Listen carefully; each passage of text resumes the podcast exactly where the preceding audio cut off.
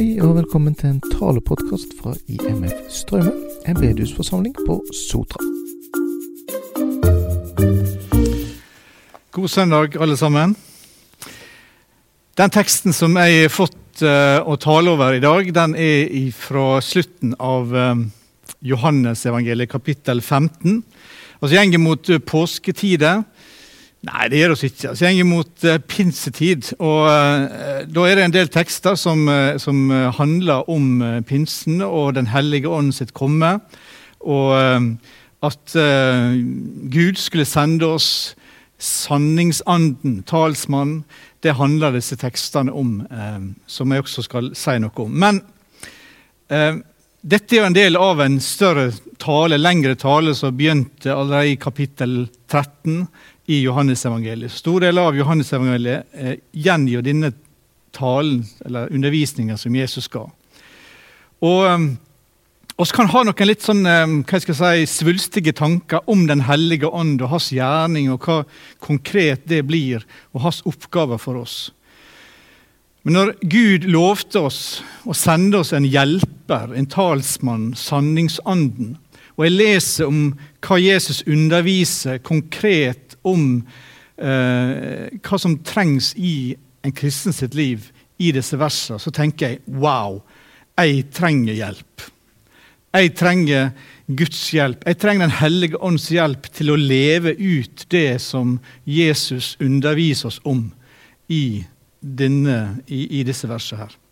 Derfor skal jeg si litt om eller eh, si en del om, om, om, mer om hva Jesus underviser om i denne talen. Eh, men først så vil jeg stille et spørsmål som et si, overskrift over det som Jesus snakker om. Hva er det mest vanskelige? Hva er det mest vanskelige? Det er å elske mennesker som eh, du ikke liker. Eller å elske mennesker som ikke liker deg. Hva er det vanskeligste? Å elske mennesker som du ikke liker, eller å elske mennesker som ikke liker deg? Dette er noe av eh, hovedbudskapet, eller spørsmålet som vi får svar på i det Jesus underviser oss om, hvis vi går noen vers litt tilbake. Og De fleste av oss vil slite med å svare på sånne spørsmål, men oss blir bedt om å gjøre det av Jesus i denne talen, undervisninga som, eh, som, han gir oss. Jesus går direkte inn i vår hverdag, i vårt liv, det som er viktig eh, for oss personlig og som fellesskap som kristne. Det handler om eh, dagsaktuelle problemstillinger for oss. Johannes 15 lærer oss og underviser Jesus oss om disse tingene. her. Jesus har allerede åpenbart den grunnleggende hemmeligheten om det kristne livet, og alt, at alt strømmer ut ifra det. Jesus har, har eh, sagt flere ganger 'du i meg og jeg i deg'. Du i meg og jeg i deg. Dette intime, eh, eh, organiske forbindelsen mellom Jesus og de som tror på han. Og um, Det å oppdage kjerna i det er noe av um, det viktigste i det kristne livet. Og en utrolig kraft til å leve ut et liv um, som kristne. Jesus underviser oss, og Johannes skildrer dette og gjengir det for oss, disse tingene som skjer når det i prinsippet begynner å fungere i praksis. Og Det første er altså Jesus beskrevet i, i begynnelsen av dette kapittelet. Eh, under bildet av vintreet og greinene, frukta som dette vintreet produserer. Og Når vi begynner å, å sette ut i praksis det som Jesus sier, 'du i meg og jeg i deg', så vil den første personen som vil forandre seg i det, vil være oss sjøle. Og Nå leser oss eh, disse versene ut ifra en, en, en, bakgrunn om at Jesus og Gud ønsker at jeg og du skal være mer lik Han. Mer Kristus like. At vi skal vise åndens frukt. Vi oss blir mer milde, mer nådige, mer kjærlige. Lettere å leve med. Får en mer indre ro osv. Begynner å håndtere livet slik som, som, Jesus, slik som Gud hadde tenkt å skulle leve det. Um, Kristus likhet, å være Han lik. Og så ser oss gjennom disse versene som vi nå skal lese, hvordan eh, Jesus beskriver den endringa som vil skje i forholdet til andre mennesker og i fellesskapet. Så I den siste delen i kapittel 15 så snakker Jesus om holdningene som oss også skal vise til de som er fiender, eller viser fiendtlige innstillinger til oss.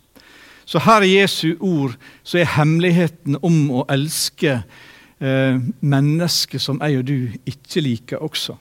La oss lese fra vers 12 til vers 17 i Johannes 15. Dette er både mitt, det skal elske hverandre som jeg har elska dykk. Ingen har større kjærleik enn den som gir livet sitt for vennene sine.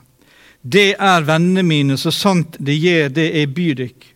Jeg kaller dykk ikke tjenere lenger, for tjeneren veit ikke hva Herren hans gjør. Jeg kaller dykk venner, for jeg har fortalt dykk alt jeg har hørt av far min. De har ikke valgt ut meg, men jeg har valgt ut dykk og sett dykk til å gå ut og bære frukt, ei frukt som varer. Da skal far dykk gi dykk alt de ber om i mitt navn. Dette er det jeg byr dykk. De skal elske hverandre. Dersom oss er kristne, Dersom du som hører på dette, eh, er en kristen, er blitt tatt imot, er tatt imot Jesus Hvis du er en grein på dette vintreet som er Jesus Kristus Dersom du har liv i Han, og Han er i deg, så har oss eh, egentlig ikke noe alternativ i den saka som Jesus adresserer til oss. Eh, oss møter det både i starten av dette avsnittet og i slutten av dette avsnittet. Oss er befalt til å elske hverandre. Mange syns dette er vanskelig, Er det snålt, eller ja, hvordan kan, hvordan kan dette her henge sammen? Hvordan kan en befale kjærlighet? Hvordan kan en befale kjærlighet? Kjærlighet er jo en følelse. Ehm, det er ikke bare noe du kan kommandere noen til å gjøre. Noen mennesker elsker du, noen mennesker elsker du ikke. Og Hvis du ikke liker dem, så kan du ikke få deg sjøl til å elske dem. Du kan tolerere mennesker, du kan respektere mennesker, men du kan ikke bare elske dem. Men en sånn forståelse av agape, kjærligheten, som vi møter i Bibelen, eh, er noe helt annet. Denne tanken, denne utbredte tanken i vår verden om at kjærligheten er en følelse som oss automatisk kommer når vi kjenner på tiltrekning til et annet menneske. Det avgrenser den kjærligheten som Jesus og som Guds ord snakker til oss om. Den avgrenser kjærligheten til mennesker som oss bare liker. Sånn er ikke Guds kjærlighet. Sånn er ikke det som Jesus underviser oss om her. Men fordi Jesu befaling er så ganske annerledes Det er sett på som en, en befaling fordi ekte kjærlighet, Guds kjærlighet, det er en bestemmelse. Det er en avgjørelse som handler om å gjøre noe til fordel for andre mennesker, uansett hva oss kjenner på av følelser. Og Inntil oss forstår det, så er, er det på ingen måte eh, Så kan ikke vi på en måte begynne å etterfølge Jesus' i befaling til oss heller. Kjærligheten er en bestemmelse, det er en, er en avgjørelse som, som handler om at vi skal være snille, nådige. Vi skal være hensynsfulle, hjelpsomme. Vi skal være trufaste, eller hva det måtte være, som tjener til andre mennesker sin fordel, uansett hvordan vi kjenner det her inne følelsesmessig. Det er den kjærligheten som Jesus snakker om, og som Jesus befaler oss. Det er ikke bare en plikt som skal bli utført. Uh, og Når jeg sier det på denne måten, så kan det kanskje høres litt vanskelig ut, og kanskje litt uh, uten glede, liksom. En, en, en, noe, et, et åk som legges ned over oss, og det er helt uten glede.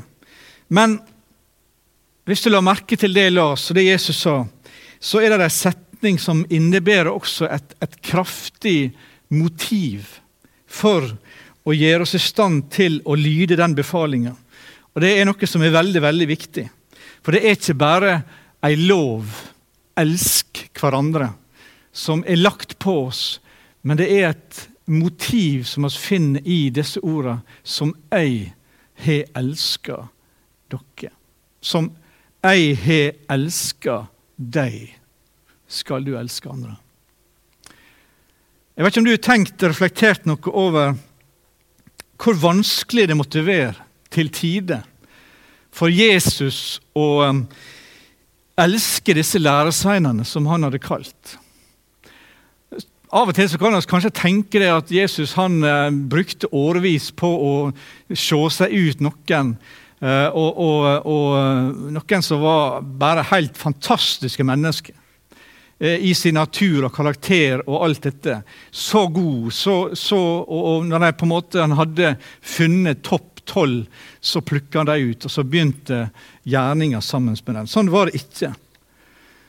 Å finne karakteristikker av disse som tvilende, som oppfarende, som, som eh, eh, likte å framheve seg sjøl osv. Disse mennesker, disse mennene som Jesus plukka ut, de var som oss. De var akkurat som oss. Og De kunne være sta, og de kunne være kranglete, og de kunne være egoistiske. Og de kunne være eh, både arrogante og osv. De fornærma han, de ignorerte han. De var til og med til tider ulydige mot Jesus. Vi kan lett tenke oss at han som var sant menneske, ikke følte automatisk en kjærlighet til disse mennene. Hvordan kan vi ellers forklare en del setninger som Jesus sier F.eks. når han sier 'Hvor lenge skal jeg måtte være hos dere?' Hvor lenge må jeg tåle dere? Han sier det i Matteus 17. Markus 90, 91 kan det vel ikke være. Eh, Markus 9, 19 er det. Eh, og, og, andre plasser. Hvordan, hvor lenge må jeg tåle dere? Det var helt klart en belastning å være sammen med dem for. Og Hebreabrevet 12 sier at han holdt ut en sånn motstand av syndere. Hvordan elsker Jesus da? Jeg tror vi finner svaret i vers 9, rett før det vi har lest i Johannes 15. Johannes 15, 9 stender det Som Far har elska meg, har jeg elska dykk. Vær i min kjærleik. Det tror jeg er nøkkelen til agapekjærligheten. Det tror jeg er nøkkelen til det befalinga om å elske. Det er ikke å prøve å elske noen ved å bestemme seg til å føle en kjærlighet og få det til å handle på den måten. Men kjærligheten kommer som en naturlig følge ut av et hjerte som sjøl er bevisst på at jeg er elska. Du er elska. Når Jesus hadde problem kan vi tenke oss, med å elske disse mennene, så var det ikke slik at han bare beit tennene sammen og prøvde å være hyggelig osv. Men han levde i en bevissthet om hvordan hans himmelske far elsker han og hvordan det er å være levende erkjennelse av at han er gjenstand for hans oppmerksomhet, for hans omsorg, for hans kjærlighet kontinuerlig. En guddommelig, evig, rein kjærlighet som han elsker meg med. Og han styrker seg, og du finner så mange plasser i, i, i testamentet vårt at det stender om at Jesus han dro seg bort for å være, for å be til sin far. Å være alene med sin far. Å be og fornye seg i denne fars kjærlighet. Og Så kunne han komme tilbake og holde ut det mangelfulle og det skjøre som han fant hos læresveinene sine. Jeg tenker her ligger noe av hemmeligheten også i hvordan oss kan vise en sann kjærlighet til våre medmennesker.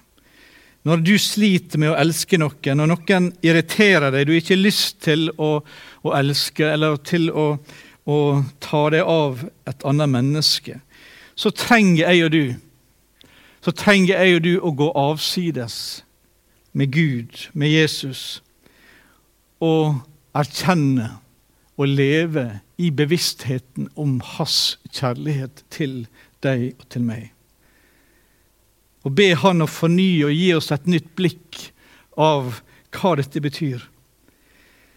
Det vanskelige blir for oss dersom nåden blir noe som er sjølsagt det, det, det, det, er dersom kjærligheten, eller det som eh, nåden som Gud har gitt oss mennesker i Jesus Kristus, blir noe som er innlysende for oss, noe som vi har krav på. Noe som ikke er en, en, en kontinuerlig gåte å leve i. Hvis vi får en sånn holdning til hva Gud har gjort og er for oss, som noe som er selvsagt for oss i vårt velstandssamfunn og i, i alt det som der oss fær, nærmest det oss peker på. Hvis alt dette er selvsagt for oss, så lever oss heller ikke i Guds kjærlighet eller erkjennelsen av at vi er elska, og har fått nåde og miskunnhet, selv om vi ikke fortjener det. Det handler om å studere hvordan Jesus var imot de mennesker som han møtte. Slik han er han nemlig også for deg også. Og det er naturlig å dvele ved Jesu lidingshistorie. Men ikke bare eh, kors, om det om korset og Golgata, men også dvele over eh, og tenke over Guds omsorg for meg og deg i hverdagen. I dette møtet så synger sangen 'Tell velsignelsene Gud har gitt'. Tell dem smått og stort, regn dem sammen, og tenk over hva hva Guds godhet Konsekvenser det har hatt for ditt liv. Hva hadde du vært uten Gud? Hva hadde du vært uten Guds nåde og Guds gave? Jakob han sier at all god gave og all fullkommen gave kommer oventil ifra lysets far.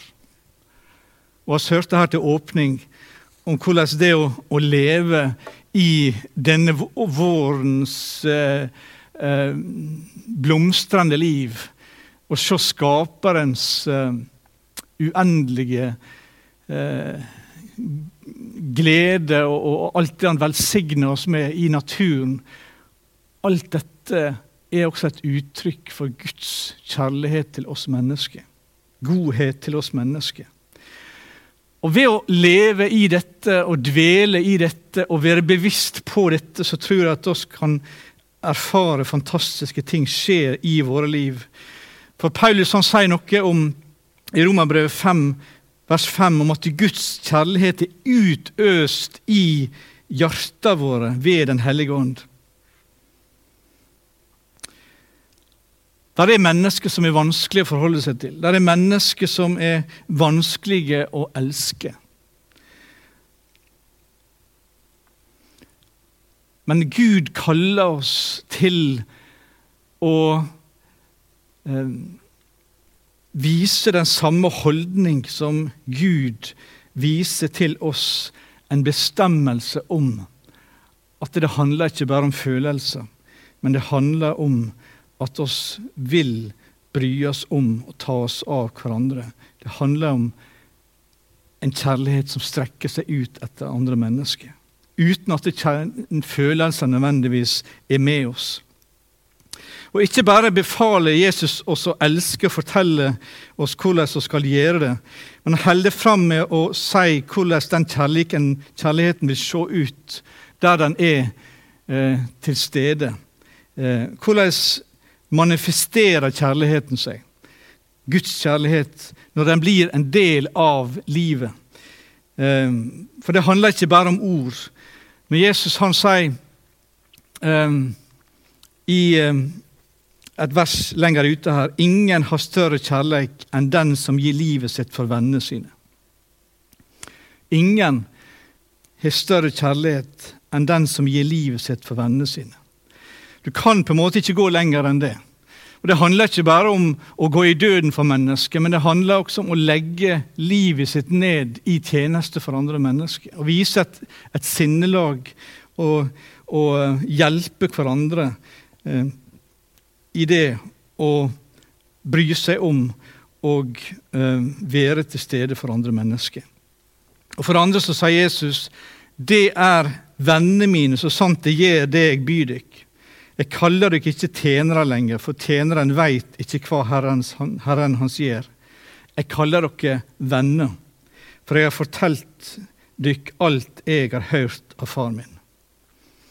Og Med disse ordene så løfter Jesus disse mennene opp fra en slags uh, selvforståelse eller en tanke om at de var tjenere eller slaver, uh, slaver. At de på en måte gjorde det de gjorde fordi de måtte gjøre det. på en måte.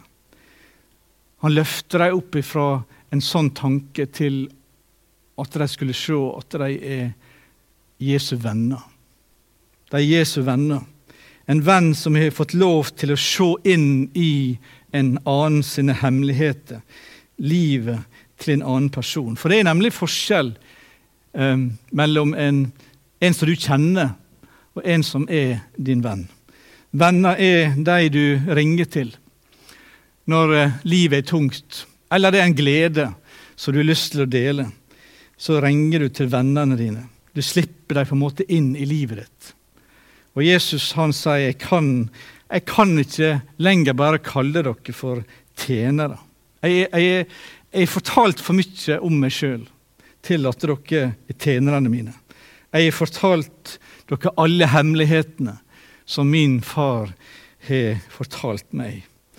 Jeg har sagt dere hemmeligheter fra verden er grunnlagt, sier han i, i Matteusevangeliet kapittel 13. Og så følger det tredje kjennemerket på kjærligheten. Det har ikke valgt ut meg, men jeg har valgt ut dere. Jeg har valgt ut dere og sett dere til å gå ut og bære frukt, ei frukt som varer. Da skal Far gi dere alt det ber om i mitt navn.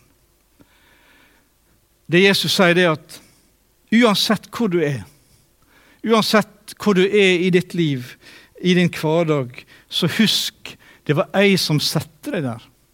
Det var jeg som plasserte deg der. Det er det som det ordet betyr eh, når han er valgt ut dere. Han er på en måte strategisk plassert oss greina der den er.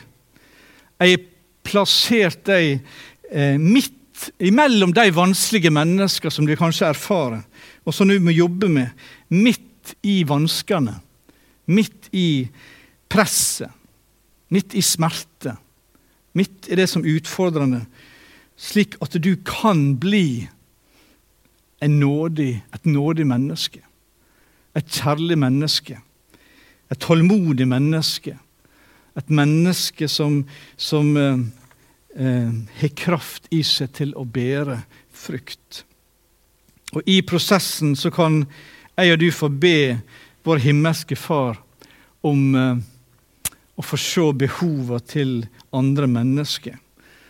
Vi vil kunne erfare at Gud arbeider med mennesket. Ved talsmann, ved Den hellige ånd, ved Han som Gud sendte til oss. Det, det Jesus sier oss om å elske andre mennesker. Hva så med vår holdning til de som ikke liker oss, kanskje. Hva er, hvordan skal vi tenke om kjærlighet til de som, som ikke liker oss? For Det sier Jesus videre her i vers 18-20 om hva skjer når verden hater oss. Det er det uttrykket som er brukt. Når verden hater dykk, skal de vite at hun har hatet meg først. Hadde det vært av verden, da hadde verden elska sitt eget. Men det er ikke av verden. Jeg har valgt dykk ut av verden. Derfor hater verden dykk. Kom i hug det ordet som jeg sa dykk. En tjener er ikke større enn Herren sin. Har de forfølgt meg, vil de forfølge dykk òg. Har de holdt fast på mitt ord, vil de òg holde fast på dykkar ord. Og Her er det at eh, oss eh trenger litt inn i det som Jesus sier om, om den fiendskapen eller fiendtlige innstillingen som vi av og til kan møte eh, i denne verden. Han sier to ting to grunnleggende ting som vi skal legge merke til. Eh, for det første, der er ikke noe personlig eh, som vi trenger å ta inn over oss i den type reaksjoner som vi kan møte når vi holder fram bibelske verdier, eller oss på en måte vise eh, Leve et liv i etterfølgelse av Guds ord så kan vi få reaksjoner. Men Jesus sier, han, han sier det skjedde med meg også. En tjener er ikke større enn Herren sin. Jesus opplevde det. Han var fullkommen, og han opplevde forfølgelsen. Han opplevde motsigelsen. Så kan vi selvsagt eh, eh, såre mennesker og kan fornærme folk ved vår måte å oppføre oss på til tider. Men mye av fiendtligheten som vi støter på når vi holder fram eh, bibelske verdier eller formaninger om hvordan oss mennesker skal leve, det eh, retter ikke nødvendigvis mot oss skjøle, men imot det Gud har sagt, og det mennesket støter seg på i den sammenhengen. Det er viktig for meg, og jeg tror det er viktig for oss alle, å huske at Jesus hadde den samme erfaring. For det andre så sier Jesus at det vil komme fordi um, en kristen er per definisjon annerledes enn mennesker som ikke har Den hellige ånd. Hadde det vært av verden, da hadde verden elska sitt eget. Men det er ikke av verden. Jeg har valgt dykk ut av verden. Derfor hater verden dykk. Du er annerledes. Gud sier du er annerledes, du som hører Jesus til. Du er født med en ånd, av en ånd som uh, hører Gud til, og som vil støte seg på en del av det som møter oss i denne verden. Oss leve i et, et kontinuerlig press i vår tid om å tilpasse oss, om å justere oss til å være lik alt andre. Jesus sier dette kan skje hvem som helst av oss. Og hvis du er annerledes, vil det skje. Peter han sier noe om dette i, i sitt første brev, kapittel 4, og vers 3 og 4. Og Det er ganske sterke ord han skriver. Første Peters brev 4, 3 og 4.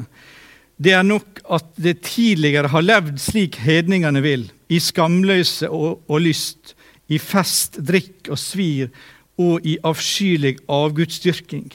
Nå undrer de seg over at det ikke lenger kaster dere ut i denne straumen av utskeiinger sammen med dem, og de spotter dere. Sånn var det på den tida, og sånn eh, kan oss også erfare det i vår tid, fordi en kristen er annerledes. Jeg las eh, en gang om en ung mann som eh, nettopp hadde blitt en kristen og som når han kom tilbake til og, og var litt sammen med de, de tidligere vennene sine, så, så, fikk han ganske tøff kritikk. For du, du er ikke en av oss lenger, på en måte. Du er, gjør ikke det oss pleide å gjøre. Du drikker ikke deg lenger full. Du ligger ikke med, med jentene. Du gambler ikke, du stjeler ikke. Og så sier han noe som eh, er til litt ettertanke. Han sier dere tar feil. For jeg eh, gjør eh, de tingene som jeg vil gjøre. Jeg gjør fortsatt de tingene som jeg vil gjøre. Jeg stjeler det jeg vil. Jeg ligger med de jentene som jeg vil. Jeg eh, eh, drikker meg full hvis jeg vil. Saken er bare det at jeg vil ikke lenger. Det er ønskene mine som har forandra seg. For nå ønsker jeg og vil jeg det som Gud vil. Han holdt fram med å forklare at dette var en vanskelig reise. Av og til så, så eh, var det vanskelig å si nei, og av og til så var det osv. Det, det er ikke noe lett valg eh, nødvendigvis det å leve i dette presset, og at oss feller i det som vi skulle ønske at oss ikke gjorde. Men poenget var han eh, viste en annerledeshet. Han sto for en annen vilje. Og Det er noe av dette som Jesus minner oss om når han, når han eh, sto overfor det samme type fristelse. Du vil også erfare det, sier han til oss. Det kan ikke unngås. Det er en del av det å følge Jesus Kristus, den motstanden. Broder Andreas, lederen i Åpne dører, han eh veit oss eh, måtte forholde seg til fiendtlige regjeringsmakter i sitt arbeid med å bringe bibler og litteratur inn bak jernteppet. Og eh, han, Etter hvert som han ble eldre, så reiste ikke han på disse turene lenger, men, men han eh, trente opp andre som, som gjorde det. Og Da oppmuntrer han dem ofte til å lese fra Salme 18 og vers 30, der det står Med deg kan jeg storme mot en krigerflokk. Med Guds hjelp kan jeg springe over murer. Og så spurte han disse eh, studentene, hva skal kalle dem, hva tror du skal til for å springe gjennom en krigerflokk? Hva trengs for å hoppe over en mur. Og Svaret han fikk, det var gjerne at ja, da trenger du masse tru, da trenger du masse kraft, og du trenger å gå på Guds løfte osv. Nei, sa han. Ehm, det som du trenger, det er jo en krigerflokk. Du trenger en hær. Skal du hoppe over en mur, så trenger du en mur. Og Poenget var at hvis ikke du møter forfølgelse, hvis vi ikke møter press eller motstand, så kan vi ikke vise at vi er utrusta av Gud til å håndtere den type situasjoner. Jesus sier dette er i verden. Dette vil oss møte, og det skal ikke eh, uroe deg dersom du møter det. Men her er også gode nyheter. Det siste punktet er at uh, det er ikke bare en negativ utvikling. For så, Hør hva Jesus sier. Hvis de forfølger meg, så vil de forfølge deg. Det sier han ja. Men hvis de holdt mitt ord, så vil de også holde ditt ord. Det er et løfte. Det vil ikke bare være nederlag, det er ikke bare motstand, det er ikke bare det vanskelige, men det vil også være suksess. Evangeliet går fram. Evangeliet eh, har sin gjennomslagskraft eh, noen, der er noen som vil lytte, der er noen som vil endre seg, der er noen som vil bli frelst. Der er mennesker som vil bøye seg for Guds ord. Og Det bringer oss da til disse to siste versene i dette kapittelet. Paulus han skriver til sin unge medarbeider Timoteus at han forfulgte Guds menighet. Han spotta Guds menighet i uvitenhet. Han levde i uvitenhet, og derfor så gjorde han som han gjorde. Og det Uvitenhet er et grunnleggende problem i vår verden. Mange av fristelsene, mange av forfølgelsene som oss står overfor, er fordi at folk er uvitende. Og den virkelige Gud eh, er ikke blitt åpenbart for mennesker. Derfor så sender Gud sin hellige ånd. Derfor så er det at eh, den siste delen forteller Jesus eh, om hva vi skal gjøre med dette. Når talsmannen, sier han. Når talsmannen kommer, da er det vers 26 og 27. Når talsmannen kommer, han som jeg skal sende dykk fra far, sanningsanden som går ut fra far, da skal han vitne om meg. Men det òg skal òg vitne, for det har vært med meg fra første stund. Og så føyer han til i starten av neste kapittel.: Dette har jeg sagt dykk, så det ikke skal føres til fall. Det er en uvitenhet i vår verden om hvem Gud er. Men han er åpenbart det for deg som er tatt imot Jesus Kristus. Du som har fått Den hellige ånd som pant i ditt hjerte. Du som har fått sanningsanden. Han er åpenbart for deg hvem Gud er. Ånden kjem, lover Jesus disse mennene, og for oss så har han kommet. For disse mennene, de, når, eh, når, når eh, sier Jesus, så vil han vitne. Sannhetens ånd vil vitne for deg. Av og til så tenker vi at Den hellige ånd har et oppdrag om å forkynne eller vitne til vår verden. Det stender det ikke noen plass som ikke jeg kan se. Han skal vitne for meg. Han skal vitne for deg. Han skal fortelle hvem Jesus er. Han skal åpenbare Jesus for deg og peke på Jesus for deg. Det er Den hellige ånds hovedoppgave. Han skal vise deg hvem Jesus er. Han skal åpenbare han for deg, slik at du og jeg kan vitne om det oss har sett og hørt. Der er et vitne om at Jesus, han lever. Han er virkelig din Herre. Han er suveren. Han er den korsfesta oppstandende Jesus Kristus. Og han oppmuntrer deg til å vitne om dette. Til å leve ut Kristuslivet. Til å strekke deg ut etter andre mennesker til å oppfylle Jesu befaling om å elske mennesket. Og til det så trenger jeg og du Den hellige ånds hjelp. Talsmann. Sanningsånden. Det skal òg vitne, for det har vært med meg fra første stund. Et vitne forteller om det en har sett og det en har hørt. Et vitne forteller om hva um, en har sett i en rettssal. Og et vitne skal ikke framstille seg sjøl, men du skal få peke på Jesus. Han som Den hellige ånd åpenbarer for deg. Han som er det viktigste i ditt liv. Han som er alfa og omega. Han som er begynnelsen og ende. enden. Han som du aldri, aldri kan miste og aldri kan klare deg uten. Han, Jesus, skal du få peke på. Han er det verdt å løfte fram. Himmelske Far, takk for at du ga oss Den hellige ånd, som vitner om Jesus, som peker på Jesus. Takk, Herre, for krafta som ligger i evangeliet.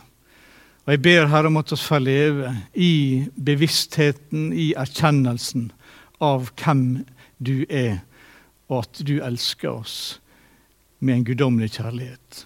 Forny det blikket for oss, Herre.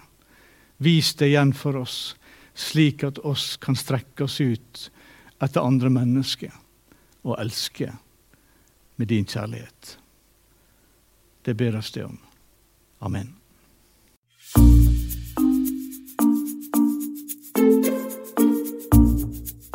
Du har nå hørt en tale fra bedehusforsamlingen IMF Straume på Sotra. Du finner oss i Straume forum. Velkommen til å besøke oss der, eller se mer om oss på nettsidene imfstraume.no, eller på våre Facebook-sider.